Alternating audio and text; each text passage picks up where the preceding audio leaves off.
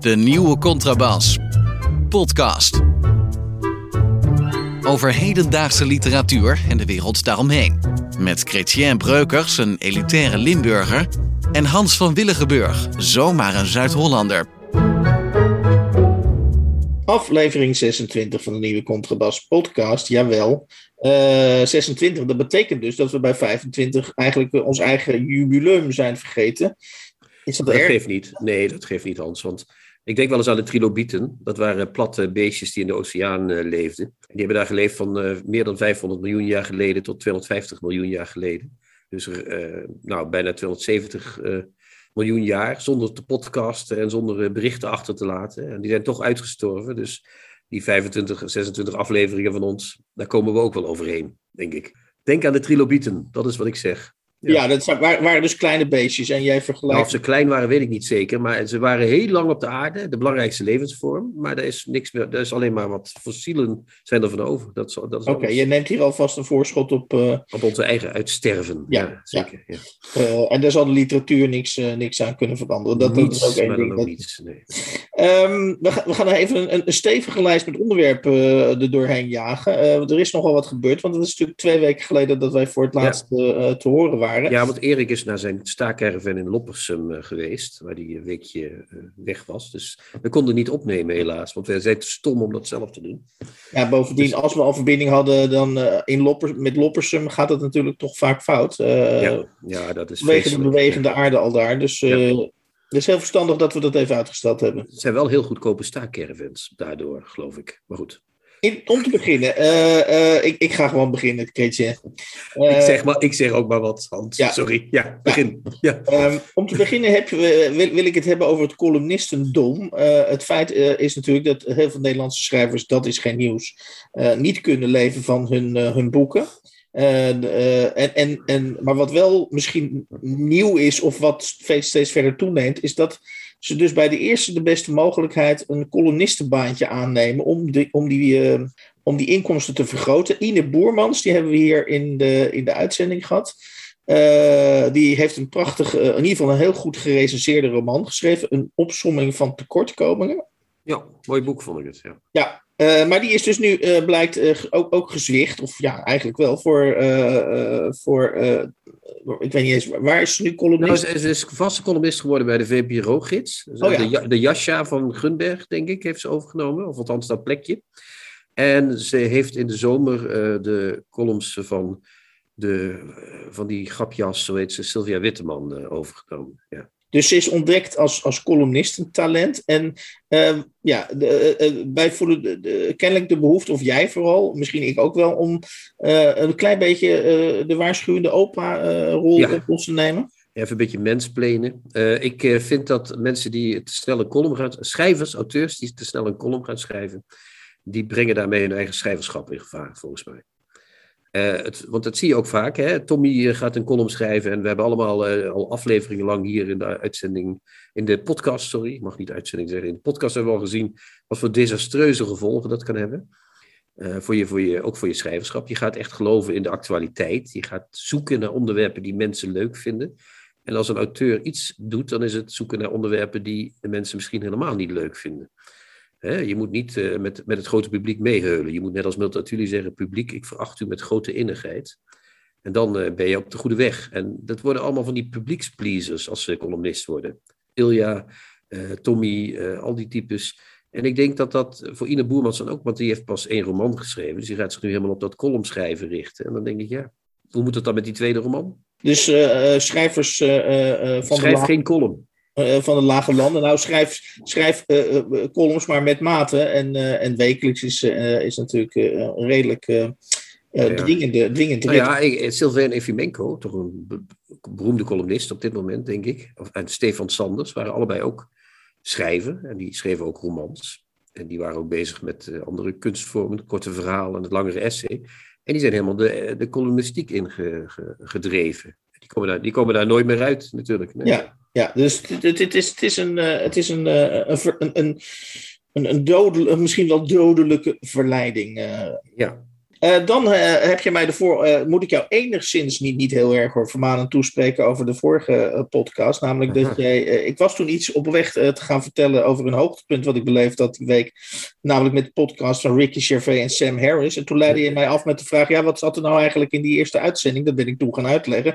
Maar ik heb toen helemaal niet meer uitgelegd waarom ik ah. dat zo'n enorme hoogtepunt vond om naar die podcast te luisteren. En uh, ik kreeg uh, min of meer uh, het antwoord nog even gesouffleerd van Alexander Klupping. Dat is iemand, die ken jij wel, dat is natuurlijk zo'n jonge whiskist. Die, die jongen die, die bij de Wereld Door altijd zat te vertellen dat zijn eigen Blendel zo mooi was. Dat, dat Blendel-platform waarmee hij al die, al die ZZP'ers uitmelkt. Ja, dat, die, even vergeten die naam, want uh, daar gaat het even niet om. Waar het mij om ging en waarom ik het een hoogtepunt vond, is dat Ricky Gervais en Sam Harris dus eigenlijk laten zien dat je eigenlijk alleen een, een, een geluidsverbinding nodig hebt, een misschien een technicus, zoals wij met Erik hebben, en dat dan de sky the limit is, tenminste als je maar creatief genoeg bent. En Alexander Klupping, die noemt dat, want het schijnt een hele nieuwe economie te zijn, dus dat je, waar het om gaat is, je hebt geen managers meer nodig, je hebt geen krant meer nodig, je hebt geen titel meer nodig. Het gaat erom dat je dus helemaal je, je, eigen, je eigen economie creëert. En Alexander Klupping noemt dat de creator economy. En um, wij doen met de nieuwe Contrabas podcast, zijn we dus in die zin heel vooruitstrevend bezig, is dat we hopelijk op weg zijn om onze eigen creator economy te creëren. En uh, wat ik aardig vond, was dat Clupping in een uh, podcast die ik nu verder even, waar ik nu even verder niet over ga uitweiden, dat hij uh, al zei dat hij al jaren bezig is om Bas Heijnen los te weken van de NRC. Omdat hij zegt, die Bas Heijnen, ja, die, die, die, die, die loopt dus heel veel geld mis. En die durft dus niet in die creator economy te stappen. Uh, die blijft afhankelijk van de NRC. Nou begrijpt Alexander Klupping best dat NRC een aantal dingen doet voor, voor Bas Heijnen, die Bas Heijnen misschien zelf niet wil doen. Maar uh, het opent de mogelijkheid naar een, uh, naar een, platform. Dat, dat, dat is natuurlijk weer de economie van Alexander Klupping. waar je als creator dus veel meer van, je, van, de, van de aandacht die je genereert zelf, dat je er zelf ook van profiteert. En dat vond ik een mooi voor. Nou, dan kom ik weer even terug op Ricky Gervais en Sam Harris. Ja, die doen dat natuurlijk perfect. Uh, die maken zelf een podcast. En uh, die, als je al die elf afleveringen uh, van Absolutely Mental wil, wil downloaden, dan moet je dus 15 euro betalen. Nou, dat is natuurlijk een fantastisch verdienmodel. Nou, dat klinkt allemaal heel positief. Jij hebt meestal wel negatieve puntjes nog te scoren. Ik, vind dat, ik word hier dus heel blij van. Namelijk dat je geen managers meer nodig of geen mensen, zoals we alle weten bij Cairo en CRV, die dan zeggen van ja, maar zeg maar niks tijdens op één, want een paar mensen in Den Haag die vinden het niet zo oké dat jij dit programma presenteert. Kortom, die laag die kunnen we natuurlijk heel erg missen. Ja, we weten natuurlijk nog niet of dat echt waar is, wat die Talita Mussen zijn in die uitzending. Maar goed, het kan zijn. Maar nou ja, Bas Heijnen is wel een voorbeeld van wat ik net zei, een schrijver, want hij is begonnen met het schrijven van romans. Waaronder de prachtige roman Suez, waar hij zo lang over deed dat er werd gesproken van een Suez-crisis op een gegeven moment. Uh, de, en die is toen die columnistiek in verzeild geraakt. Dat is nu de, uh, Bas is nu de meneer, meneer Heijnen, moet ik zeggen, is een soort GBJ Hilterman van deze tijd. Hè? Die legt achteraf uit wat er in de buitenlandse krant heeft. Dat, dat wilde ik, dat is goed dat je dat zegt. Want dat, dat valt me dus ook altijd van Bas. Bas Heijn legt altijd uit waarom de werkelijkheid is zoals die is. Ja, en, dat, en dan zegt hij dat, en, en dat, en dat, dat is dan ook zo omdat het in een Franse krant stond. Want sinds hij huis in Frankrijk heeft, citeert hij Franse kranten. Vroeger citeerde hij Engelse kranten, die kocht hij waarschijnlijk in Amsterdam. Maar nu komt hij wat verder met de trein en dan uh, heeft hij ineens uh, allemaal Franse kranten. Maar, maar, Bas Heijnen is dus een, die kan misschien wel een enorm goed veel geld verdienen met Bas Heijnen zijn bij Alexander Klupping.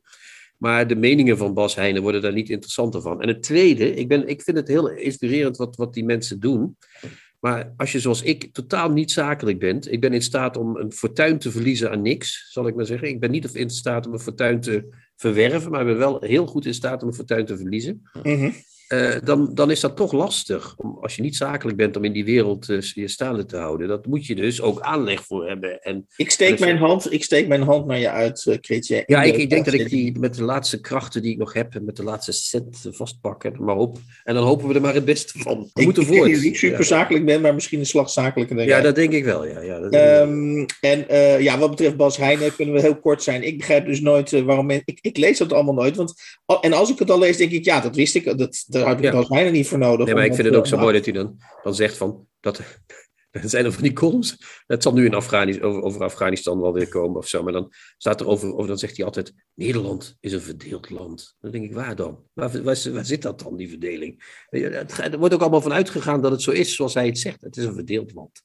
Ja, ik, ik kom best veel mensen tegen die ongeveer hetzelfde zeggen. Maar goed, we moeten Bas misschien uh, een keer apart pakken. Want dan, ik heb geen boeken niet gelezen, dus ik kan niet citeren. Maar, ja. Goed, uh, we gaan door over een, een, Ja, dat is, is een, terugkerende droom bij mij. Dus ik dacht, ah. dat, moet, dat moet, ik, moet ik ook bespreken. Want het is, het heet een, het is een literaire, of een, een droom die literaire connecties heeft. Dat je naakt op het boekenbal bent of zo. en dat je dan Harry hand moet geven. Terwijl je langzaam een erectie voelt opkomen, of wat? Uh, dat is zoiets. Uh, nee, het is veel minder spectaculair, uh, ben ik bang. Oké, okay, wat dan? Ja. Ik, ik, ik, ik, droom van het leegstaande decor van dat televisieprogramma Brommer op Zee. Oh, dat is wel een hele akelige droom. Ja. En dan zie ik dat decor zonder Wilfried de Jong en zonder, hoe heet ze? Rut Joos. Rut, Joos. En dan denk ik aan dat programma en dan denk ik, Jeetje, dat, daar worden dus tonnen in geïnvesteerd in zo'n boekenprogramma. En ik heb eigenlijk niet één item gezien, eerlijk gezegd, uh, wat nou echt lekker uit de verf kwam. Maar het is, en dan zie je dus hoe nee, zinloos... Er zijn zelfs schrijvers, want K. Schippers kwam op de televisie en die ging dood.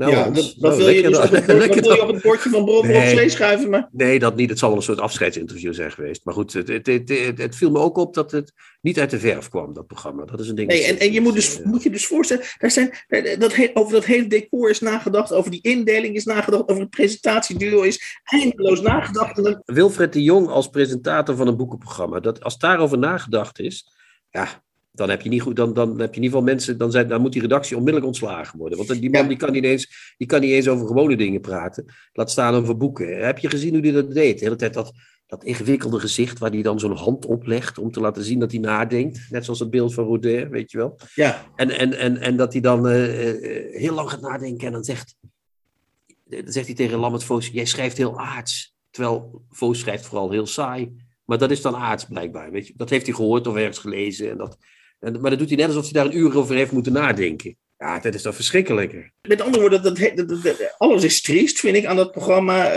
Uh, decor vind ik triest. Dat, het feit dat er zoveel mensen aan meewerken, vind ik triest. Dat het heel veel geld kost, vind ik triest. Maar jij, hebt het toch, jij ziet toch een toekomst nog verbonden. Ja, ja ik, heb, ik heb gelezen dat Vlaanderen zich terugtrekt uit het uh, project. Dat is jammer, want Rut Joos is, vind ik wel, uh, die moest zich echt inhouden. Ik zag ook soms, als Wilfred de Jong er weer doorheen zat te toeteren, dat ze zich ergerde aan die, aan die domme ja, die domme man, laten we het maar gewoon noemen zoals het is. Um, Rut Joost moet een programma en uh, dan gewoon geen decor, maar gewoon uh, zoals vroeger boeken. Eén tafel, een paar schrijvers, misschien wat meer, twee ja. tegelijk of zo. En laat Rut Joost het maar doen. Ja. En dan krijg je meer dan, want je krijgt nu, dat, dat zoeken naar kijkers voor een literair programma heeft geen zin. Blijkbaar heb je ongeveer 200.000 kijkers. Nou, ik vind dat prima, dat is toch meer dan genoeg. Als die mensen allemaal een boek zouden kopen, dan zou de hele boekenmarkt ineens de, de, helemaal de lucht in schieten. Ja, maar 200.000 kijkers of niet, ik vond het programma gewoon niet. Ik, nee, het had was, geen enkele was, aandrang, nee, zelf had ik geen enkele aandrang nee. om te laten willen kijken. Ze willen lollig doen, ze willen leuk doen. Het moet ja, maar ze willen iedereen tevreden stellen en niemand mag uh, gekwetst worden tegenwoordig. En dat, en dat, en dat, moet niet. Er moet, er moet weer wat meer, gewoon een paar schrijvers en een beetje doorzagen, die handel. En, niet, yes. de, en Rut Joos heeft ook de neiging om iets te bewonderend door de bocht te komen. Dus het is goed om daar die moet misschien ook wel wat strenger worden. Ja, maar, maar het is dus ook heel goed mogelijk dat, dat het programma gewoon ophoudt. Maar dat, dat, dan is ja, het al. Uh... We zijn beschikbaar, Hans. Ja. Uh, dan hebben we natuurlijk het geval Astrid Roemer. Moeten we daar nog uh, iets over zeggen? nou ja, Astrid Roemer die heeft zichzelf gedefameerd door het op te nemen voor Daisy Bouters, inmiddels veroordeelde massamoordenaar. of althans, iemand die aan, hoe noem je dat, de bevel tot een massamoord gegeven heeft. Ja, 15 mensen vind ik toch een massamoord. Toch, of niet? Ja. Dat, is toch een aardige moord, laten we het zo zeggen. Het is nog geen ja. massamoord, maar je bent toch wel een aardige moordenaar. Je begint, het is eigenlijk een soort begin van een tennisgame. Je begint met 15-0 eigenlijk. Uh. Dat is wel goed, ja. Ja, nou, die 15 die had hij dus 15 love. En daarna heeft hij, is hij nog een paar jaar president geweest. De Daisy, de Bout. Hè? En, uh, maar uh, nu kreeg zij dus de grote prijs, de prijs der Nederlandse letteren een, een zeer prestigieus, uh, het hoogste... Ja, twee jaarlijks begrijp ik. Dus, dus die prijs wordt nou, niet elk jaar... Drie, nee, niet eens elk jaar. Soms ook wel om de drie jaar of zo. Oh, nee, nee, vroeger werd hij om en om aan Vlaanderen, Vlaanderen en aan Nederland uh, toegekend. De laatste jaren is dat wat losgelaten. Maar Zij kreeg die prijs en ik denk, eh, wat ik heel grappig vind, is dat de jury eh, daarvan heeft natuurlijk gedacht, wij gaan dus helemaal inclusief met een eh, vrouw van kleur eh, die eh, uit een Ja. eh, ver, ver weg eh, uit Suriname komt. En die toch mooie boeken geschreven heeft. En eh, eh, die, die doen we dan. En dan is iedereen blij. Maar die vrouw, die blijkt niet bij de inclusieve club te horen. Die ging gewoon Bouters eh, prijzen. En toen waren, de, toen waren de inclusieve rapen natuurlijk gaar op, bij, bij Gerard Sprong. Jij beweert dat we dat hadden kunnen weten. Ja, ze, was- ze, ze- als, je, als je even googelt op haar naam, dat is eh, Astrid Roemer, waar die verschijnt, daar verschijnt daar, zoals Theo Sontrop zei over Heren Heresma, waar hij verschijnt, groeit geen gras meer. Dus dat is ongeveer wat Astrid Roemer haar hele leven heeft veroorzaakt. Ja. En Ik vind dat ook wel sympathiek. Het is een vrouw die eh, eh, weliswaar eh, voor veel ru- reuring zorgt. Maar nou ja, ik, ik, heb, ik heb redelijk wat boeken van haar gelezen. Ik vind het erg goed. En ik vind bovendien dat iemand die een literaire prijs krijgt, alles mag zeggen wat hij wil. ja, En als dat Goed. dan mensen niet bevalt, ja, jammer dan. Je hebt die literaire prijs gegeven. Dus dan is dat, moet je ook dapper zijn en er doorheen gaan. Ik vind die jury geen knip voor de neus waard dat die niet gezegd hebben, dan zijn wij geen jury meer als dit niet doorgaat. Want we hebben die vrouw geprezen en dus zal en moet die koning die prijs uitreiken. Ik vind die, eh, dit, die mensen in de jury, dat zijn, en ik ken er een paar persoonlijk, maar dat zijn echt laffe mensen. Dat durf ik ook recht in hun gezicht te zeggen. oké. Maar goed, de represaille is dus eh, eh, eh, niet dat ze die prijs niet krijgt. Want dat is, dan, dus dat is ook weer heel Nee, ze krijgt het geld wel, hè? dat is geld 50.000 wel, euro. en de prijs ook. eh, maar ze, er wordt dan... Zij zou het van de Belgische koning krijgen, want Nederlandse auteurs krijgen het van de Belgische koning. Ja. Dus die man die zeg maar geen Nederlands spreekt, eh, die alleen zegt van goedemorgen, et cetera, et cetera, die zou haar dat geven. Ja, hoezo sneller? Is toch een mooi onderwerp, Hans? Ja, wat ik, wat, ik, wat, ik, wat, ik, wat ik hier nog tenslotte in ieder geval over wil zeggen, want dat is nu, dat, dat heb ik jou nog niet horen zeggen, dus dat blijft voor mij nog over, is dat, eh, als ik het goed begrepen heb, laat ze nog wel een mogelijkheid open dat Bouterse eventueel via via, niet zo direct als de, als de slachtoffers beweren, eh, betrokken is bij die, eh, bij die, bij die september, of, eh, septembermoorden zijn het volgens mij. Decembermoorden. Of decembermoorden, ja, decembermoorden. Maar dat ze, en dat vond ik dus opmerkelijk, dat ze zei van ja, maar Bouterse heeft dus zich eigenlijk op, op, de- op het moment dat Suriname werd aangevallen, of dat, dat er dus eh, Nederland, eh, alle, heeft hij zijn rug recht gehouden en daarmee heeft hij, is hij eigenlijk een, een held van het decolonisatie. Hij is een onderdeel van het decolonisatieproces. Ja.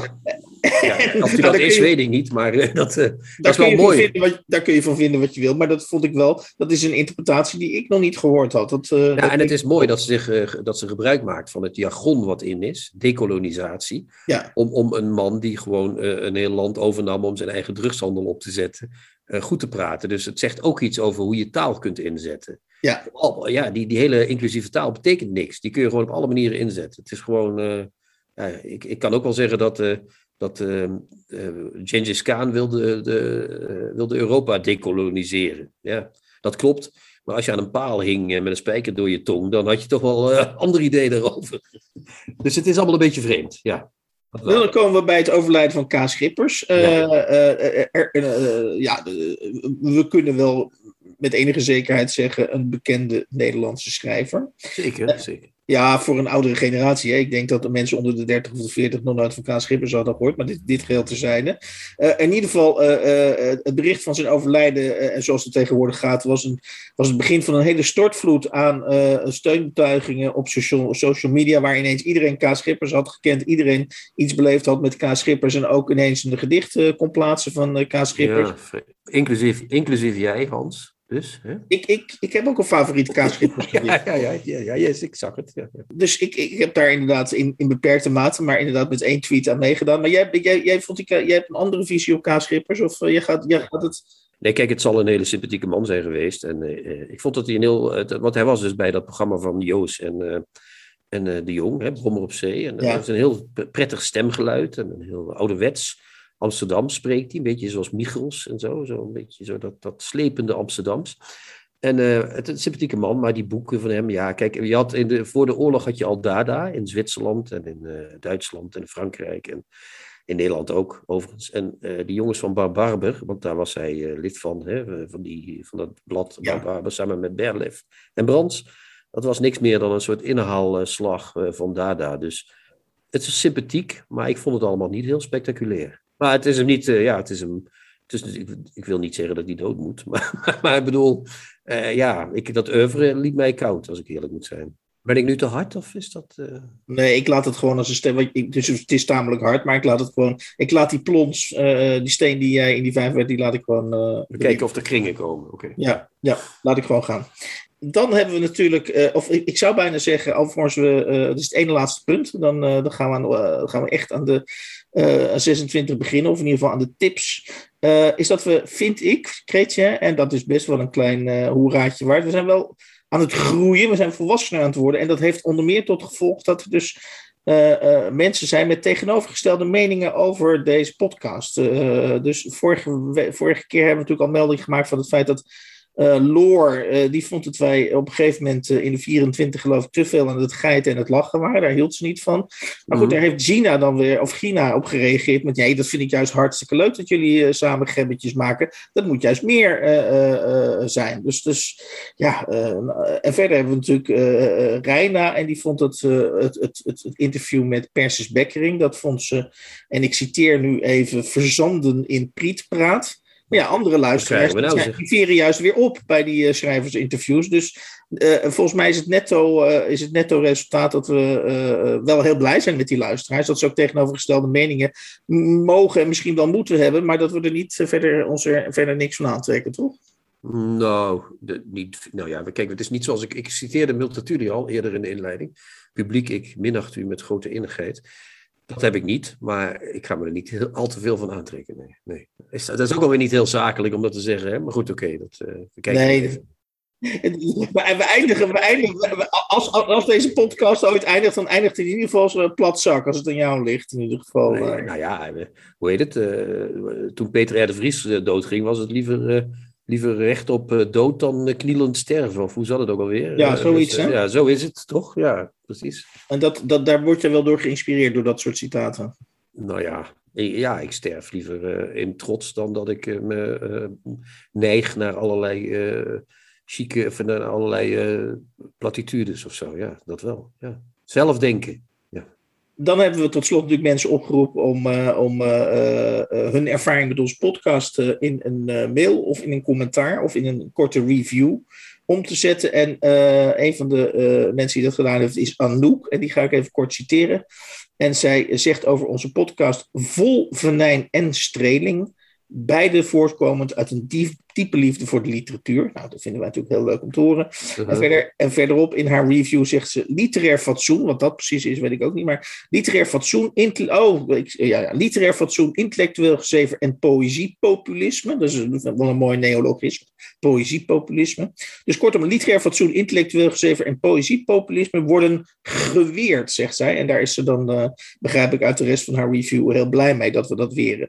Heeft u zelf ook een uh, commentaar op onze uh, podcast? dan kunt u dat sturen. En dat is nog steeds heel erg welkom, want er zijn al de nodige reacties, maar die kunnen er altijd weer bij. Uh, en dat adres is uh, podcast.denieuwecontrabas.blog. Podcast.denieuwecontrabas.blog. Tips van de week. Boeken, artikelen of pamfletten die boven het maaiveld uitsteken. Twee boeken gaan we bespreken, twee buitenlandse boeken. Uh, het eerste boek is van Tao Lin. Dat is een, uh, een, eh, een, een, ja, een, een Amerikaan van Koreaanse origine. Of, uh, ja, Taiwanese, toch? Of, of Taiwanese, sorry, ja, Taiwanese origine. origine. En uh, verder gaan we bespreken Mindful Moorden. En dat is een boek van Karsten Dussen. En dat is een Duits, Duits boek. En dat is onlangs in het Nederlands vertaald. En uh, ja, dat is een beetje een atypisch boek voor ons, want het is echt een heel erg populair boek. Uh, uh, was dat in Duitsland en, en wordt dat thriller, hè? Een, een wordt dat misschien in Nederland? in Duitsland zijn er 800.000 exemplaren van verkocht. om te beginnen, Tao Lin. ik zal hem even kort introduceren. Dan mag uh, Kritje uitgebreid over zijn ervaringen met het boek Leave Society gaan, gaan praten. Uh, ik heb zelf uh, de eer om Tao Lin ooit op het spoor gekomen te zijn. Uh, en dit is de eerste schrijver die ik echt via Twitter ben tegengekomen. Dus ja, je komt natuurlijk heel veel schrijvers tegen die je uit de boekenbijlagen haalt of uit een tip van een vriend of vriendin.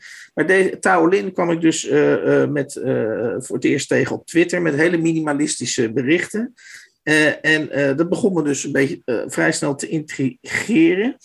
En hij is gedebuteerd, of vooral in, in, in, in de embryonale staat van zijn, van zijn literaire loopbaan, is hij met poëzie. Bekend geworden. Ja, en het mooie van die poëzie is, vind ik zelf, dat hij daarin continu, en dat, dat komt straks ook in, in Beef Society, denk ik nog wel weer terug.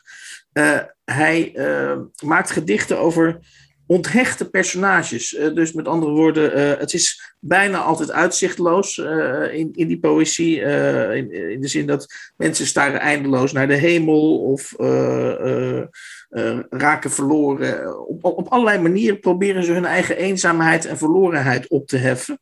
En uh, ik, ik zou bijna zeggen, ik durf het H-woord uh, niet te zeggen. Dat is het H-woord in, in de, de nieuwe Contrabas podcast, is Wellebeck. Ik vond hem dus ergens wel een beetje Wellebeckiaanse personages creëren. En de, ja, maar zijn vorige roman, tai, Taipei heet dat. Dat is dus inderdaad de hoofdstad van Taiwan. Uh, dat zat zo vol met, uh, met, uh, met, met, met ja, feestjes. En, en, en, kijk, het punt is, ik, ik ben heel erg blij dat er schrijvers bestaan als Tao Lin. Wat, wat doet Tao Lin? Tao Lin gaat met een soort heel vreemd soort precisie, gaat hij exact, doc, bijna documentair brengt hij in beeld wat zijn personages doen. En wat doen zijn personages? En dat doet, uh, maar goed, dat gaat uh, zo zeggen. Uh, zijn personages leiden eigenlijk niet echt een heel boeiend bestaan. Dus hij, hij, hij volgt ze naar de winkel. hij volgt ze op, op, op de meest banale momenten, maar toch toch word je langzaam in die levens gezogen. En, en, en, en van tevoren weet je bijna zeker bij Taolin dat het gaat niet tot een hoogtepunt leiden. Het gaat ook niet tot een, tot een significant plot leiden. Nee, je wordt langzaam in dat dagelijkse leven van iemand uh, gezogen.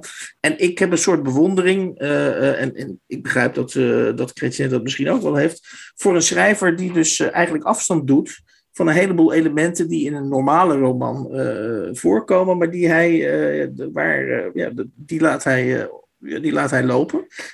en e-, eerlijk gezegd dacht ik toen ik Leave Society, wat net is uitgekomen aan, aan Chrétien, voorstelde van kunnen we dat niet bespreken in de nieuwe Contrabas podcast, toen dacht ik eigenlijk van volgens mij vindt Chrétien dit zwaar kut, maar het, het is heel anders gelopen. Ja, in tegendeel, ik vond het een prachtig boek. Uh, bedankt voor de extensieve inleiding, Hans. Ik ben even, mijn oren toeteren er nog van. Uh, je zegt dat ik lang verstof ben, maar goede hemel, wat was dit? anyway, uh, het is een prachtig boek. Het is een boek van, met vier hoofdstukken. Dat is niet helemaal, het klinkt een beetje suf, maar niet onbelangrijk. het zijn vier jaren die hij beschrijft. The Year of Mercury, dus ja, het kwikjaar. year of Pain, het jaar van de pijn. Year of Mountains, het jaar van de bergen. En The Year of the of Unknown, het, jaar van het onbekende.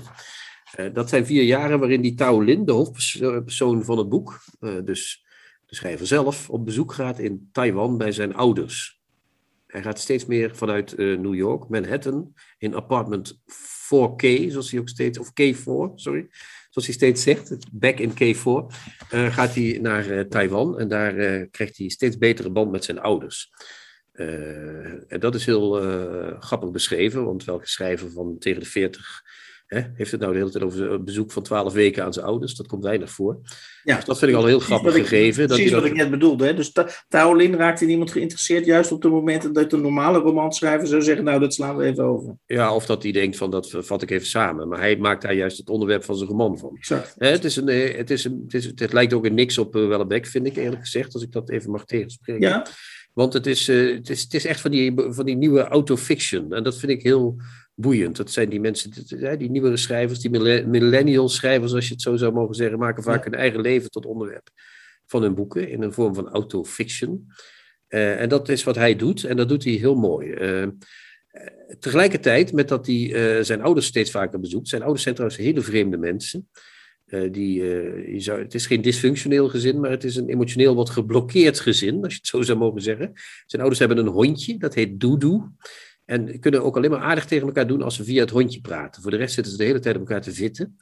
En Taolin is ook niet veel beter, want die zit de hele tijd op de gezondheid van zijn ouders te letten. En raadt ze dan aan om visolie te gebruiken en andere voeding. Hij, uh, enerzijds is hij heel bezorgd over de gezondheid van zijn ouders. Anderzijds elke keer als hij twaalf weken naar Taiwan gaat, smokkelt hij drugs mee, want anders kan hij daar niet, eh, houdt hij daar niet vol. Hij moet LSD en uh, cannabis hebben om uh, daar die twaalf weken een beetje lekker door te komen. In een roman zijn altijd drugs. Dat is, uh, ja, ja, hij is duidelijk iemand die, die de werkelijkheid moet ontsnappen. Hij heeft een licht autistisch karakter ook, lijkt het wel. Want hij is helemaal soms geobsedeerd door onderwerpen. Hè? Ook tijdens, dat, uh, tijdens die bezoeken. Dan gaat hij zich helemaal op die gezondheid van die ouders gooien. Of op een, op een verloren beschaving. Om daar een voorbeeld van te geven. Op een gegeven moment, ik weet, zijn vader of zijn moeder, er, er moet een gebitsoperatie.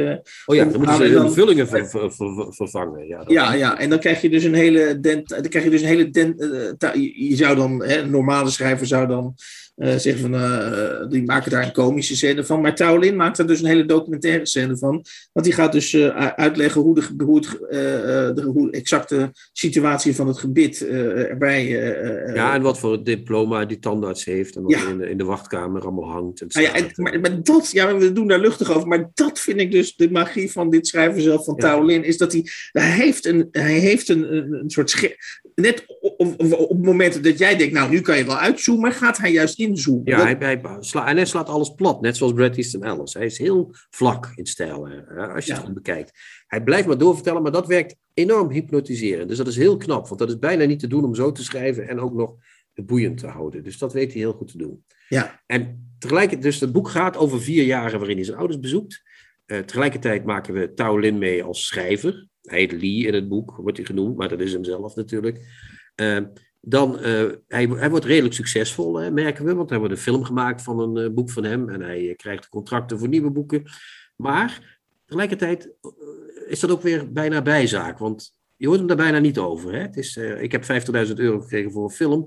En dan twee alinea's later. Normaal zou je dan zeggen: Oh, daar wil ik meer van weten. Maar dat brengt hij inderdaad als een administratief ja, feit. Ja, en daarna, want dan kan hij weer twee jaar verder uh, ja. leven. Dan kan hij ook weer op bezoek bij zijn ouders. Maar dan gaat hij weer verder over of, of er wel of geen fishcapsules moeten worden gebruikt uh, door zijn ouders. voor de botten, om de botten te laten aanstekken. Maar volgens mij schet hij er dus een genoegen in om, om dat dus steeds opnieuw te doen. Steeds als, als je denkt: Hier heb je wat, om dan de camera te zwenken. Nee, ik denk dat het voor hem echt. Ik denk dat hij zo autistisch is dat die dingen die hij beschrijft. En dat maakt hem razend sympathiek voor mij. Ik zie het als iemand die dat soort dingen juist het belangrijkst vindt. Dit is zijn, ja. dit is zijn leven. De, en, en, wat er ook nog meespeelt in het hele boek, want dat, dat, dat is belangrijk voor de. Voor de uh, er zit weliswaar geen plot in, maar hij krijgt ook. Want in dat gebouw komt een vrouw te wonen die redactrice is van een kleine uitgeverij, zoals hij zegt. Uh, daar krijgt hij een relatie mee. Maar dat gaat natuurlijk ook weer niet uh, op de gewone. Er wordt geen vioolmuziek bij aangestreken. Zo, zo gauw die een keer met haar gezoend heeft, beginnen het getop en het uh, gepieker over of dat wel goed kan gaan met die relatie. Begint al, zoals je weet. Hè? Want ja. tijdens het eerste keer zoenen begint hij al over allerlei verloren beschavingen na te denken. En hoe dat allemaal kapot gegaan is. En, dus het is echt. hij wordt gelukkig, maar het, is, het gaat niet van een leien dakje, Hans. Het is niet. En het is toch een prachtig boek, gek genoeg. Dat is vreemd. En nou nog redelijk humoristisch ook nog. Ja, ja. en om nog even door te gaan over dat autistische. Hè, dus, ja. uh, uh, hij, hij is weliswaar heel lang uh, met, zijn, met zijn vader en moeder, maar heel humoristisch ook. Want dat, dat, dat, dat hebben we misschien nog niet aangestipt, maar het is ook wel grappig af en toe. Ja, ja. Is dat hij, dat hij met zijn ouders in, in, in, in, in, in Taiwan is, maar dat ze dan onderling gaan e-mailen. Dus dan, ja, hij e-mailt, terwijl hij boven is, e-mailt hij zijn moeder van sorry, wat maar wat je net zei vond ik niet zo leuk.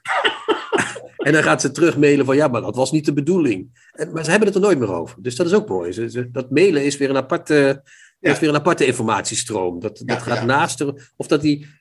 Uh, dat, dat, ja, dat, dat, ze ergens heen gaan, ook is ook fantastisch. Die, die, die reisjes naar familie. Dan hebben ze ja. familiefeestjes. En van tevoren worden die ooms en tantes helemaal afgemaakt en afgekraakt. nou ja, het is allemaal. Ja, ja, het klinkt niet echt leuk als je het zo zegt. Maar in het boek weet hij dat zo te brengen dat je steeds in de spanning zit van dadelijk gaat dat hele familiefeest kapot. Maar dat, dat is eigenlijk, dat, toch gaat het helemaal goed, uh, vreemd genoeg. Ja. Je zou zeggen, Lin is iemand die gelukkig is in dat boek, maar hij heeft het niet door. Hij heeft het zelfs niet door. Uh, even nog tot slot, uh, en dan gaan we over naar uh, Mindful Moorden. de titel van het boek, Leave Society. Ja. hoe interpreteer je dat? ik vond het namelijk, ik, ik, moet eerlijk zeggen, ik vind een titel ook als uitgever belangrijk. Dus ik, ik vond Leave Society vond ik echt een, een, een, is een titel waar ik gelijk op aansloeg. Ja, het is een hele mooie titel. Je denkt meteen aan iets drastisch. Hè? Iemand die op een hutje op de hei gaat wonen. Maar wat ik, ik zie het als een. Uh, uh, ik heb hem zo geïnterpreteerd. Die man die gaat dus steeds meer terug naar zijn familie, naar zijn ouders. Hij heeft ook een broer nog in New York, daar heeft hij minder contact mee, maar ook wel iets. Maar hij gaat steeds meer terug naar zijn oorsprong, naar zijn ouders in, in Taiwan. En hij krijgt een vriendinnetje nadat hij vier hij was, dat zegt hij ook in het boek, hij is vier jaar lang alleen Ja, maar, dat, geweest. maar alles wat je nu zegt, is toch. Is, toch, eh, Nee, nee, hij heeft te dus- maken met nee, het hij- hij gaat de dus- maatschappij. Je, Nou, kunt dat het, je, je kunt het ook omgekeerd zien, namelijk dat hij juist in de maatschappij komt. Daardoor. Nee, dat, is, dat weet ik niet. Dat denk ik niet, eerlijk gezegd. Want hij heeft het helemaal niet over banen of over dat schrijven zelf, wat hij doet. eh, Wat een soort van economische formaliteit is, zoals je zei. Hij schrijft om het geld te krijgen en heeft tegelijkertijd vooral eigenlijk alleen maar contact met zijn familie en met zijn vriendin. Dus in die zin is dat een onmaatschappelijk leven. Je haalt wat geld uit de maatschappij en doet dan verder precies wat je wil.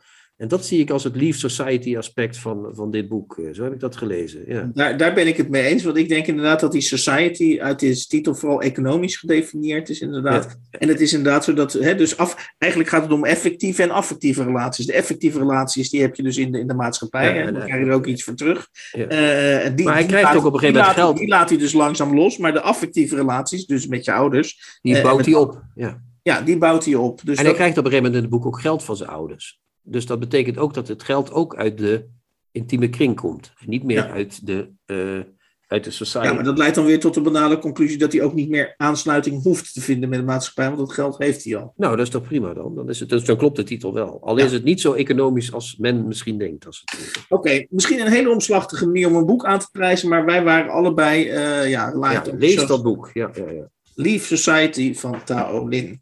Dan gaan we nu naar eh, eh, het tweede boek. En dat is een boek eh, van de Duitse auteur Karsten Dussen. Ik weet niet of dat een pseudoniem is of dat of Nee. de auteur werkelijk zo heet. Daar wil ik van afwezen. Hij heeft in ieder geval het, het boek geschreven Mindful Moorden. En eh, eh, dat is ons trouwens aangeraden, laten we dat even duidelijk eh, zijn, door eh, Marjolein. een van onze Luisteraar. Marjolein. Ja. En die was er heel enthousiast over. En die zei: Jullie, ga alsjeblieft dit boek lezen, want ik lach me helemaal slap. Dat maakt de vraag actueel: Hebben we gelachen met dit boek? Ik heb met dit boek gelachen. Ik moet me een beetje door deze bespreking heen strompelen, want Marika heeft na het uh, lezen dat boek meegenomen van mij. Ik heb het wel gelezen, maar ik moet dus, je moet me af en toe helpen. Maar uh, Ja. ik heb gelachen om het boek, omdat het een uh, heel, um, nou ja, het is dus een grappig boek. Maar vooral heb ik gelachen om het feit dat uh, het mindful denken, hè, wat toch in de maatschappij een beetje een zweverig iets is, hier wordt ingezet door iemand om van een advocaat van weliswaar kwade zaken omgeturnd te worden tot een uh, maffiabaas. Dat vind ik grappig. Hij, hij, pakt dat mindful aan en het lukt hem ook. Dus meestal gebruik je mindful denken om uh, uh, lekkerder in je vel te komen zitten, maar hij uh, gebruikt het om eens even een lekker imperium op te bouwen. Dus het is wel apart, moet ik zeggen. Ja. Leuk gegeven. Wat, ik zo, wat ik zo knap vind aan dit boek is dat. Um, laat ik het zo zeggen. Kijk, uh, hij geeft een plattegrond van een hoofdpersoon, uh, die inderdaad advocaat is en die, die, die, die een carrierist is. En, en nou goed, die carrieristen lopen er in ruime, ruime mate, zeker in de kapitalistische maatschappij, rond. En dat, die, dat spanningsveld tussen uh, een, een, volle agenda hebben. Nou, iedereen kent dat van zichzelf. Hè? Je, je, moet je, je moet je. Jij zei net uh, van een van de redenen dat we in Europa geen overtuigingen hebben. Meer is omdat we veel te hard werken. Dus we hebben helemaal geen tijd meer om, om ergens van overtuigd te zijn. We zijn, we zijn aan het rollen van klus naar klus. We zijn gekluisterd aan het neoliberalisme. Hans. Ja, En daar, daaronder zit dus een diep verlangen naar, uh, of, of laat ik het zo zeggen, die, die drukke agenda die we allemaal hebben, die maken ons bijna per definitie schizofreen. Want we, we, we deep down voelen we natuurlijk wel dat we eigenlijk veel meer moeten stilstaan bij, uh, bij het leven, bij de mooie dingen van het leven. Dat ons leven dus letterlijk opgaat aan al die klusjes. En dat we dat uh, dus, en, dat we die tegenstelling, of die, schizo, die, die lichte schizofrenie, die gaan we natuurlijk in de moderne maatschappij met dat te lijf, met dat bekende begrip mindfulness. En wat ik knap vind aan dit boek is dat uh, de carrierist in feite helemaal over de toog wordt gejaagd. Want inderdaad, de advocaat, die wordt halverwege het boek, verdwijnt zijn opdrachtgever, dat is dus een maffiabaas, en wordt hij per abuis, en dat is natuurlijk hartstikke grappig, wordt hij zelf de, moet hij zelf de maffia als maffiabaas gaan optreden. Dus met andere woorden, hij had al een volle agenda als advocaat. Als maffiabaas heb je helemaal een volle agenda. Nou, dat wordt steeds leger, gek genoeg. Dat pakt hij ook heel mindful aan, want hij laat heel veel, ineens heel veel mensen voor zich werken. Ja. Hij krijgt allemaal moordenaars onder zich die voor hem uh, moorden plegen. En hij hoeft het allemaal niet meer zelf te doen. Hij moet de eerste moord nog zelf plegen. En de eerste keer martelen is ook een beetje lastig. Moet hij ook eventjes mindful over nadenken. Want vindt hij toch vervelend, dat gekrijs van die persoon. Uh, maar daarna gaat het steeds beter. Want hij hoeft steeds, als, als hoogste baas van de maffia hoef je bijna niks te doen natuurlijk. Dan ben je een soort Wizard of Oz ben je dan. Hè? En, nog veel mooier is dat hij die uh, door je persoon vervangt. Die, uh, dat weet je al heel snel in het boek, dus ik verraad niks. Hij vervangt iemand waarvan de anderen niet weten dat hij dood is. Dus er is iemand nog zogenaamd waar hij namens spreekt, maar hij is gewoon diegene geworden, want hij heeft die persoon het hoekje omgeholpen. Ja, en een ander, eh, vind ik, een heel mooi element in het boek is dat hij uh, een groot deel, uh, zeker in het begin, dat hij een groot deel van zijn, uh, ja, laten we zeggen, bochtige carrière als, als advocaat, zeker maffiabaas, dat dat zit verpakt in de context van een weekendje uit met zijn dochter, waarvan hij dan probeert, die, die probeert hij dus weg te houden van al zijn, van al zijn gemene zaakjes, zullen we maar zeggen. En daarbij helpt natuurlijk enorm dat mindfulness, dat hij voor zijn ja, heel mindful dat lijk van die figuur in de kofferbak laten liggen tijdens dat weekend. Want uh, dan zegt dat meisje na het weekend van, wat ruikt die gek papa in de auto? Ja. ja, die heeft daar twee dagen in 40 graden achter in de kofferbak gelegen, dat lijkt. Dus dat is een beetje kazig uh, geworden, ja. Wat, waar ik benieuwd naar ben, uh, zeg je uiteindelijk over dit boek, het is gewoon een hele grappige parodie of een satire op onze moderne maatschappij. Uh, en het, ik, het, is vooral heel erg grappig om het te lezen. Of vind je er ergens ook nog wel iets dieps in zitten? Namelijk inderdaad dat die mindfulness. Uh, want je, ja, die, die, die auteur laat zien dat dat mindfulness weliswaar op een ironische manier, dat het wel uh, misschien kan werken om je, om, je zo, uh, om je zo op te stellen. Mindfulness dus. Ja, ja, ik vind het een heel grappig gegeven. Daarom heb ik er ook om gelachen. Je stampt het boek terecht in een dag uh, doorheen. Hè? Het is 300 bladzijden met het is, oké. Je begint te lezen en je hebt het alweer uit. en toch is het net als gebak. Hè? Het is, je eet het en je denkt daarna, ik zit toch een beetje vol. Het is toch niet helemaal... Uh... En dat heb ik met Taolin, die we in deze rubriek ook bespraken, niet. Dat vind ik toch een beter boek. Het is geen literatuur, laat ik het zo zeggen. Het is echt... Het is, ik dacht in het begin, goh, dit zou wel eens een... Uh, zo'n, zo'n je hebt wel eens thrillers die echt heel goed zijn, zoals Michael Dibden of zo. Dat is bijna literatuur als je dat leest. Uh, maar dit is toch, het is aardig en het is echt heel goed gevonden. En ik denk als je het gaat verfilmen, dat het ook een groot succes is. Dat, dat, dat lijkt me fantastisch. Maar je blijft toch op honger zitten, zoals de Vlamingen, uh, dat, zoals we al eerder eens zeiden. Het is, het is een aardig boek, maar het is geen meesterwerk. Wat vind jij? wat nee, jouw, ik, nou, laat ik het zo zeggen. Ik, wat ik knap vond, is dat je op een gegeven moment worden de situaties zo dol en ook dat je denkt, het is bij. Maar, maar, maar hij laat je toch meegaan. hij laat bijvoorbeeld op een gegeven moment. Uh, uh, van, laat hij een een moord, is een van de maffiamoorden wordt om vier uur s'nachts wordt gepleegd. Uh, in, uh, om, op zo'n, iedereen kent dat als je in Duitsland rondrijdt op zo'n verlaten parkeerterrein. Dat een maffiabaas denkt, nou daar kunnen we wel veilig iemand omleggen. Maar niet schets je verbazing, komt net een, net een bus met schoolkinderen die komt dat parkeerterrein oprijden. Dat je, dat je denkt... Maar die hebben allemaal film, die hebben ook allemaal camera's, die wordt, ja, wordt allemaal gefilmd. Nou ja, wat ik, zo leuk, wat ik eigenlijk zo leuk vond was dat je dat plezier, wat, ik heel, wat me heel erg voor het boek innam, is dat je het plezier waarmee het geschreven is. Dus je ziet hem bij wijze van spreken handen wrijven en denken van, ah, eh, ik ga lekker even een bus vol met schoolkinderen en, eh, en, en telefoontjes die dat allemaal gaan filmen, die ga ik daar even op afsturen. Dat vond ik wel, ja, dat, vond ik, dat, dat beviel me heel erg aan het, aan, het, aan het boek. En dat je er dan vervolgens, als je dichtslaat, niet zoveel van overhoudt, ja, dat interesseert me dan iets minder. Ja, maar ik vind het wel jammer, want als je altijd dat soort boeken zou lezen, dan zou het toch een soort uh, snoepverslaving worden. Dat is ook weer niet de bedoeling natuurlijk. Maar het was een goede tip. We danken Marjolein van harte. En als ze nog eens wat heeft, horen we het graag. Moet je horen. Hans leest een favoriete passage voor uit een boek dat hij onlangs gelezen heeft. Twee gedichten dit keer. De eerste heet Kortsluiting. In elke kamer, ook in de keuken, deed ik het licht aan. De buren zeiden: Een feestelijk huis. Maar ik was helemaal alleen met mijn verlichting tot het naar doorgebrande zekeringen rook.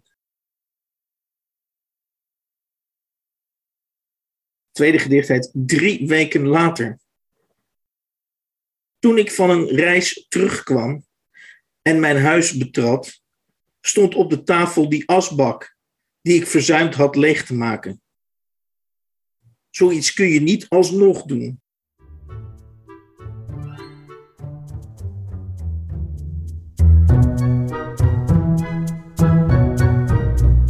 De nieuwe Contrabas. Podcast. Welkom Rob, Rob van Essen, uh, voor onze vierde kweesten in het oeuvre van, van Simon Vestdijk. we beginnen, of we gaan vandaag ons buigen over het boek Pastorale 43 een uh, oorlogsroman, een van de twee oorlogsromans, Tweede Wereldoorlogsromans van Vestdijk. Het andere heet, geloof ik, Het Genadeschot, als ik het Nee, nee, nee, Bevrijdingsfeest. Bevrijdingsfeest natuurlijk, ja, ja, ja. Um, het is trouwens ik, pastorale 1943? Ja, bij mij staat op de omslag alleen maar pastorale, zoals bij Lisbeth List en Ramses Shaffi. Maar, dus dat is een misdruk, denk ik. Maar het heet inderdaad, het heet pastorale 1943. 1943. Okay, En de ondertitel is Roman uit de tijd van de Duitse overheersing. Wat, waar de ironie al begint natuurlijk, want het kwam, uh, hij schreef het in 1945 al meteen, in het najaar. En het kwam in 1948 uit. Dus het klinkt alsof het dus de ondertitel van een historische roman, maar het was vrij heet van de naald. Ja, het was, eh, de, de wonden lagen nog open toen het boek uh, verscheen, zou je kunnen zeggen. En we hebben wel eens eerder gezegd dat de boeken van uh, Vestdijk moeizaam op gang komen. En ik moet zeggen dat dit boek mij persoonlijk vanaf het begin bij de strot greep en niet meer losgelaten heeft. Ik heb hier niet gehad dat ik het een moeizaam begin vond. Zag jij dat? Helemaal niet. Hier zit je er meteen in met die ontmoeting van die leraar met zijn vriend, die verder in het verhaal ook nauwelijks meer voorkomt. Dat is dan wel weer. Uh, maar de sfeer wordt wel goed neergezet. Hè? Je... Dus zit meteen, ja, je zit er meteen in. Het is, hoe je zou, we hebben het wel eens gehad over de instapvestdijk. Nou, dit is een aardige kandidaat, denk ik. Ja, het, is een, nou, het, is een, het is een aardige kandidaat, en dat zien we sowieso. Maar het is wel um, een lang boek. En het is ja. een boek waar je ook. Um, ook al is het, het leest heel makkelijk weg. En ik vind het echt een verbluffend goed boek. Ik had het wel eens ooit gelezen, maar ik herinnerde het me niet als zo goed. Ik denk ook dat dat te maken heeft met de jonge leeftijd waarop ik dit las. Um, het is een uh, instapvestdijk, maar wel eentje waar je toch al aardig wat voor gelezen moet hebben, denk ik. Of niet? Uh, het, is, het is niet zomaar een boekje. Nee, het is niet zomaar een boekje. En je moet ook goed Duits kunnen lezen, want er staan hele passages, hele gesprekken in het Duits worden weergegeven. Dat zou nu ook geen enkele uitgever meer goed vinden, natuurlijk. Nee, nee, nee. Dat, uh, dat komt erop. Ja, je moet een beetje beslagen ten ijs komen, dat is zeker waar. Maar het, uh, het, het zit vol met intrige en spanning en ironie. Je verveelt je eigenlijk geen moment. Wat, wat, wat, moet, je, wat moet je weten? Tenminste, als we het dan toch over een instap Westdijk ja. hebben. Maar wat, wat moet je minimaal weten om van dit boek uh, te Nou, dat is dus heel moeilijk. Dat is dus toch in die zin misschien minder instapperig. Want het is een boek waarin, het, wat Rob al zei, het begint al bij de ondertitel. Hè, roman uit de Duitse overheersing, of wat was het? Ik even erbij halen uit de tijd van de Duitse overheersing, of wat was het? Ja, uit de tijd van de Duitse overheersing. Het is een boek over uh, het Nederlandse verzet, zou je kunnen zeggen. Die uh, Schultz noemt hij zichzelf. heet Schultz, is een Duitser die in Nederland Duitse les geeft. En die in het Nederlandse verzet zit. Dus daar begint het al mee, dit boek. het is een boek over een Duitser in het Nederlandse verzet. Uh, dat ja, Nederlandse verzet, dat gaat helemaal de mist in. Daar gebeurt eigenlijk, er gaat helemaal niets goed in het Nederlandse verzet. Zelfs het doodmaken van een verrader lukt ze niet, want ze pakken de verkeerde en die maken ze ook nog maar half dood. En die gaat pas halverwege het boek echt uh, in het ziekenhuis uh, ten onder. En daarna wordt diezelfde Schultz, dan moeten de mensen die niet willen weten hoe het afloopt, even la la la la la roepen, twee minuten. Die Schultz wordt ook nog opgepakt door de Duitsers en zelfs dat gaat niet komen tot de spanning die je normaal in oorlogsboeken zoals, of in films zoals uh, Soldaat van Oranje ziet. Maar die wordt gewoon weer losgelaten op het laatst. Om een bepaalde reden die we nu hier niet zullen verraden. Maar het is dus een boek wat. Ik denk dat het zeker in 48 heel slecht viel. Omdat het natuurlijk die, dat verzet als een soort. Dus als een stelletje sukkels neerzetten. Toch? Ja, hij kreeg daar veel kritiek op. Uh, het boek zit ook vol met ironie. Wat jij zegt, hij wordt uh, vastgehouden in het Oranje Hotel, beruchte gevangenis in Scheveningen. En hij hoort pas achteraf waarvoor hij gevangen wordt gezet. Hij heeft de hele tijd geen idee. Hij denkt uh, dat hij vastzit voor iets veel heroïscher dan waarvoor hij uiteindelijk is. Nou, niet eens veroordeeld, maar is, is opgepakt. Ja, het verzet wordt natuurlijk afgeschilderd als een stelletje klungels eigenlijk.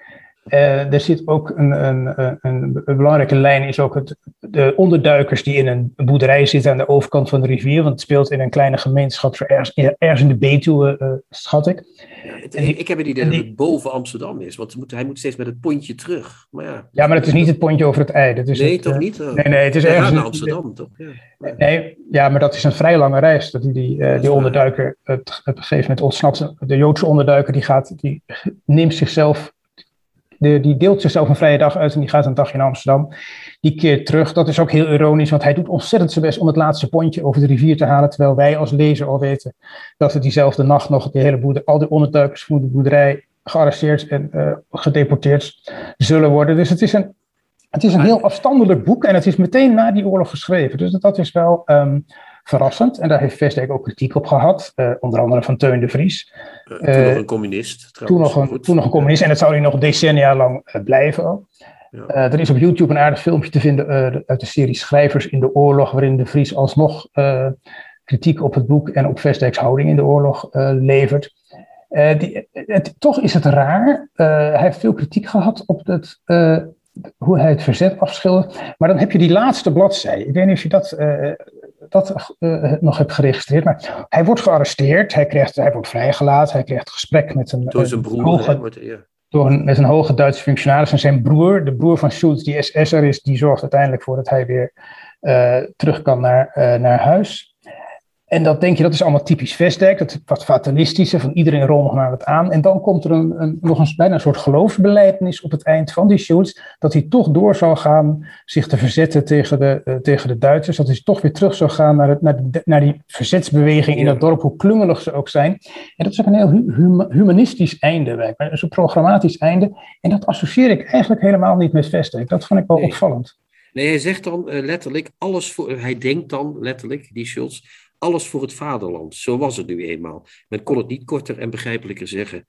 Was het, uh, alles voor het vaderland. En omdat hij een halve Duitser was, was het zijn vaderland eerst recht. En mocht hij geen haarbreed afwijken van de weg die iedere Hollander zou moeten gaan. Ja, dat is inderdaad een ongekende uh, uitbarsting voor, voor, voor Vestdijk. Dus die man die kiest daar echt voor het, het Nederlands zijn. En zou hij dat gedaan hebben om een deel van die kritiek die hij toch verwachtte voor te zijn, denk je? Ik zou heel graag in het hoofd van Vestdijk gekeken hebben terwijl hij die laatste pagina's eh, schreef. Want je krijgt een beetje de indruk dat hij dat uh, inderdaad gedaan heeft uh, voor de bühne. Maar dat weet je natuurlijk helemaal niet. Uh, Vestdijk was, die schreef het toen in 1945 als was hij nog vrij jong. Dus bedoel, met al onze verzamelde Vestdijk-kennis kunnen we nu zeggen, ja, maar dat is niet helemaal des Vestdijks, maar wie weet. Hij was zelf natuurlijk ook gijzelaar geweest. Hè? Hij was gijzelaar geweest. Hij, had, hij, heeft die, die, hij heeft ook in Scheveningen vastgezeten, volgens ja. mij. Ja. En dat betekent ja. natuurlijk ook... Hij heeft toch misschien wel een beetje... Hij zal ongetwijfeld heel veel schrik gehad hebben daar. Hè? Dat, dat uh, lijkt me niet uh, onwaarschijnlijk. Dus misschien is dat ook een beetje door de schrik die hem nog in 48 nog... En in 45 toen hij het schreef heel zeker nog op het, uh, op het lijf zat. Dat zou heel goed kunnen. En die passage waarin hij in, het, in die gevangenis zit, dat, dat is eigenlijk een passage die je zo uit het boek kan knippen zonder dat, je, zonder dat het verhaal iets mist. Tegelijkertijd vind ik dat, heel geestig. Het boeiendste deel van het boek, want hij zit in die gevangenis. Hij maakt het zich daar toch wel een beetje gezellig op een wat stoïcijnse afstandelijke manier. Hij komt in de keuken te werken, de extra eten en zo. Dus alles, uh, hij is totaal niet gericht op het uitvergroten van de verschrikking. Zowel Vestdijk niet als zijn personage, uh, denk je dan. Het wordt allemaal een beetje beschreven alsof het ja, het leven van alle dag is. En dat is het natuurlijk voor die personages, ja. in zekere zin. Nou ja, wat ieder personage in het boek doet, want die, die Schultz, Schultz, uh, Schultz die, is, uh, die, die, die vergroot het drama niet. Maar die Joodse onderduiker, die ook uh, Cohen heet, volgens mij, ja. die, die, um, die weet al lang hoe, hoe, waar de wind vandaan komt. Die, die vergroot het drama misschien ook niet, maar die gaat het drama ook niet uit de weg. Dus ik denk dat al die passages een, een aspect of een, een, een scherf van het drama vertegenwoordigen. Dat is ja, ja, en die Cohen vond ik ook een heel interessant personage. Die ja, deed ja. mij denken aan de homoseksuele acteur uit De Kelner in de Leven. Ja, ja, ja. ja, ja ze krijgen allebei uh, krijgen ze een apart hoofdstuk waar hun belevenissen uh, worden verhaald, waar ze even de hoofdpersoon zijn. In allebei, de, in allebei worden ze eigenlijk geproblematiseerd door Vestdijk. De ene als Jood, de andere als homoseksueel. Ze zijn toch vertegenwoordiger van hun groep. Ja. Tegelijkertijd zie je dat Vestdijk heel erg zijn best doet om ze onbevooroordeeld en uh, goed, uh, goed te behandelen. Dat, is, uh, dat vind ik een hele interessante overeenkomst. Ik, ik vraag het is net alsof of... Vestdijk daar de camera pakt en heel even kijkt. hey, dat interesseert mij. Waarom zou dat... Ja, en dat zou, dat zou literatuurwetenschappers anno 2021 natuurlijk weer kunnen interesseren. Hoe, hoe portretteert Vestdijk een homoseksueel vlak na de oorlog? Of... Nou, dat ja, was en in dit, in dit geval een Jood, een nee, Jood, Joodse ja. onderduiker. En in het andere geval, en ik vraag me af, zijn er vaker dit soort aparte, apart gezette hoofdstukken voor leden van minderheden uh, in het Vestdijk te vinden? Ik schiet er me niet meteen nou, te binnen, maar ik vind het, het, maar je, het overeenkomst viel mij op.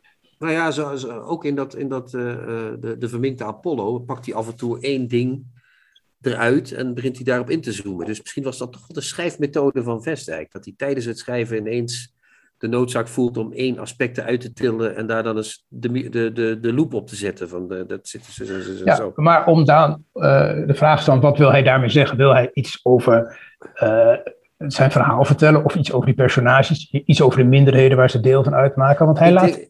Ik zie dit boek echt als een boek over de menselijke sukkelachtigheid, als ik eerlijk moet zijn. Ik heb dit hele boek Ja. gelezen als eens, die Jood gaat ook ten onder, die Cohen. Die gaat ten onder omdat hij haast heeft om weer thuis in zijn veilige onderduik te zijn. Ja, wat je hem niet echt kwalijk kan nemen. Dat kun je hem op zich niet kwalijk nemen, maar het zegt wel iets over hoe het in het leven fout kan gaan. Ja. Die, die, dat de, de dochter van de boer waar die mensen ondergedoken zitten, die is eh, boos op een van die onderduikers die haar zwanger heeft gemaakt. En ook die- omdat ze gewoon gepest wordt door die onderduikers tijdens de gemeenschappelijke maaltijd. Dus het is, heel, ja, het is echt een heel menselijk boek. Het, eh, En wat die verraadt zegt die als- mensen ja. uiteindelijk. En dan zegt die drogist, eh poerstamper, aan wie ze die mensen verraadt. Ik zal niks zeggen. En die heeft ook niks gezegd. Dus we weten ook niet wie die mensen Jawel. verraden. Dat is Jan geweest. Die die, onderduiker. Die, Ja, ja, uit- ja, ja. die heeft ze zelf. Ja, dat is waar. Sorry. Die heeft ze zelf verraden. Dat Dus is, dat is ook een dat- van, de, een van de vele ironieën van het boek, is dat Ja. Poerstamper, de drogist, wordt dood, Doodgemaakt. doodges- doodgemaakt om iets wat hij niet heeft gedaan. Precies. En dat probeert hij ook nog uit te leggen, maar dat, daar heeft verzet natuurlijk geen... Dus eh, alles en iedereen is een eh, sukkel. De NSB is een sukkel. eh, de Duitsers zijn ook sukkels, want die hebben die Schulz in handen.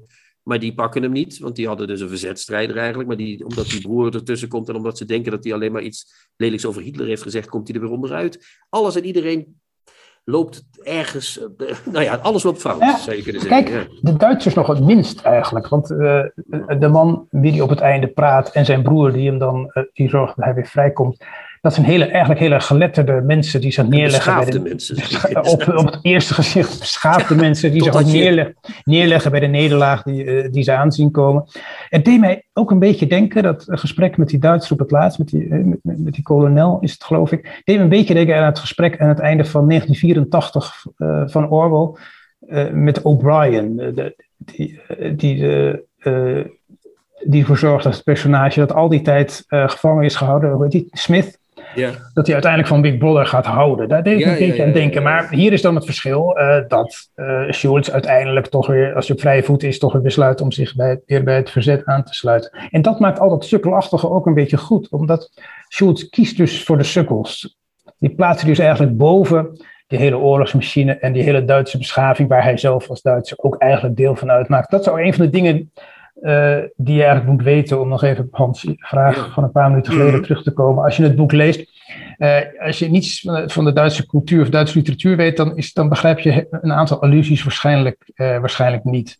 Nee. Ehm, dus het is, het, het, het is Kijk, aan te raden. dan, lever je, van- dan lever je in op de rijkdom van je interpretatie, maar de, de plotlijn kun je dan nog wel gewoon eh, volgen. ja, ja, je Ja, kan, je je kunt de plot heel makkelijk volgen. ja. plot kan je heel makkelijk volgen. Dat is, Ja. dat is eigenlijk vrij Ik- ik- universeel. Misschien is het ook nog zo dat inderdaad hij, die, die man, die Duitser, die, die, die, die kolonel die die spreekt, daar, daar gaat hij niet zozeer van houden, maar die, maakt hem toch, die verzoent hem weer deels met zijn Duitse afkomst. Maar dan heeft hij ook nog dat gesprek met die broer, die Obersturmbannführer is geworden en nog een hoge onderscheiding heeft gekregen. En dat is, eh, dat zijn eigenlijk, die broer en hij zijn ook twee kanten van de medaille, zou je kunnen zeggen. En dan vind ik één heel ontroerend stuk is als die, vraagt hij dus aan, eh, eh, hoe gaat het met moeder? Vraagt die Schultz dan aan zijn broer, aan de Duitser, of aan de Duitse officier. Vrij goed, ze was natuurlijk geschrokken van dat briefje van jou. Hij had een briefje gestuurd in de gevangenis. Ik mag je wel geluk wensen met je promotie en je ridderorde. En dan zegt die August, die broer, dat is geen gelukwens waard. Eh, ik vecht niet voor beloning, ik vecht omdat ik er plezier in heb en het liefst voor een verloren zaak, zegt die broer dan. En dat is natuurlijk prachtig, hè? Dat, die Schultz die zit zogenaamd in de illegaliteit en dat sukkelt maar een end raak. Maar die broer, zou je kunnen Ja. zeggen, als je het, eh, nu gaan we een beetje een Astrid Roemer-achtige bocht nemen, die broer die, die is veel edeler in zijn motieven. Die weet al lang, eh, wij gaan verliezen. Maar die pakt wel die zaak en die zegt, nou, dat is mijn zaak en ik ga daarvoor staan. Ja, maar ik weet niet of dat edele motieven zijn. Als je, je kan ook zeggen, het is een soort... tussen aanhalingstekens. eh, Oké, dat, ja, maar die, dat, die- dat is natuurlijk een soort doodsdrift die... ehm, ja, hij heeft misschien iets te veel Nietzsche gelezen in zijn, ontvang, in zijn, eh, in zijn veel jaren. Ernst, Ernst Junger of zo. denk ik dan, maar Ik ben wel met je eens dat, dat, dat eh, op een bepaald niveau is het bijna bewonderenswaardig, omdat het zo duidelijk eh, fatalistisch is. Ja, En eh Schulz is in zoverre ook fatalistisch. Misschien zijn ze daardoor allebei wel een beetje fatalistisch. Dat ze zich weer aansluit bij die sukkelaars. En weet dat het op elk moment ook verkeerd kan aflopen. Maar hij heeft in ieder geval wel een soort eindoverwinning in zijn. eh, eh, ziet hij wel aan de horizon dagen. In 1943 was het wel duidelijk welke kant het opging. En bovendien zegt zijn broer dat ze de oorlog gaan verliezen. Dus hij heeft ook het eerste hand eigenlijk. Ja, het, uh, ja en, en de, de, ja, misschien is hij daarom aan het eind zo plechtig. Dat hij die, die plechtigheid van zijn broer een beetje overneemt. Ja, ja. dat zou goed kunnen. Ja. Ik denk dat we wel een, uh, we rond zijn. En dan moeten we even vaststellen wat, wat de volgende roman uh, zal zijn. Zullen we nu een... een, een, een we kunnen natuurlijk een hele moeilijke doen. Of we kunnen de koperen tuin ertussen fietsen. Misschien moeten we nu weer eens een latere doen.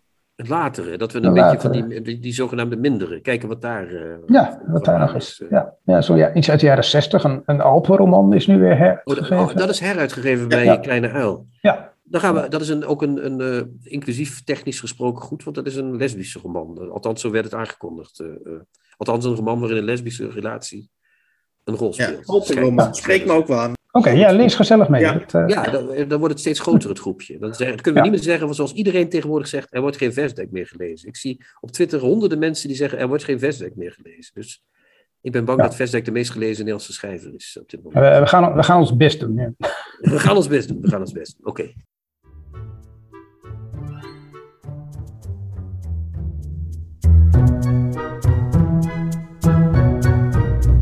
De nieuwe contrabas podcast.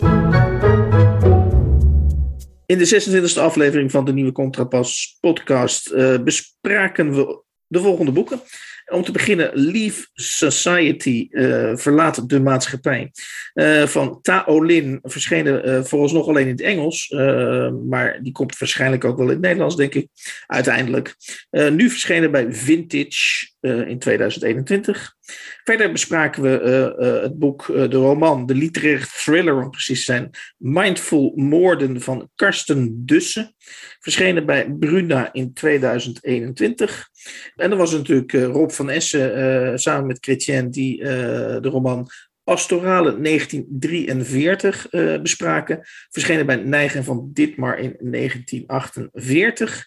En dan las ik twee gedichten voor uit de bundel Oogst van Günter Graas, verschenen bij Meulenhof in 2007 een bundel die uh, gedichten of een overzicht van het uh, poëtische werk van Günter Graas, dus vertaald door Jan Gielkens. En wie heeft de uh, Gussen vertaald? Oh ja, dat is, dat, is, dat is heel goed dat je me daar nog eventjes op wijst. Dat is Olga, Groene, Olga Groenewoud heeft dat vertaald. Uit het Duits. Natuurlijk horen wij nog steeds graag waarom u naar de nieuwe Contrabas podcast luistert. Wilt u dus een review uh, uh, opsturen uh, of, of, wilt u ons verblijden met een review van de podcast, dan kan dat naar podcast.denieuwecontrabas.blog. Ik herhaal podcast.denieuwecontrabas.blog. Volgens mij zijn alle vakantieschema's zijn nu, zijn nu weer afgelopen, dus IJs en wederdienende gaan we over een week weer een podcast maken. Dus tot nummer 27. Dag lieve luisteraars. Dag dag. De nieuwe Contrabas podcast wordt gemaakt door Chrétien Breukers, Hans van Willigenburg en Erik Lindenburg.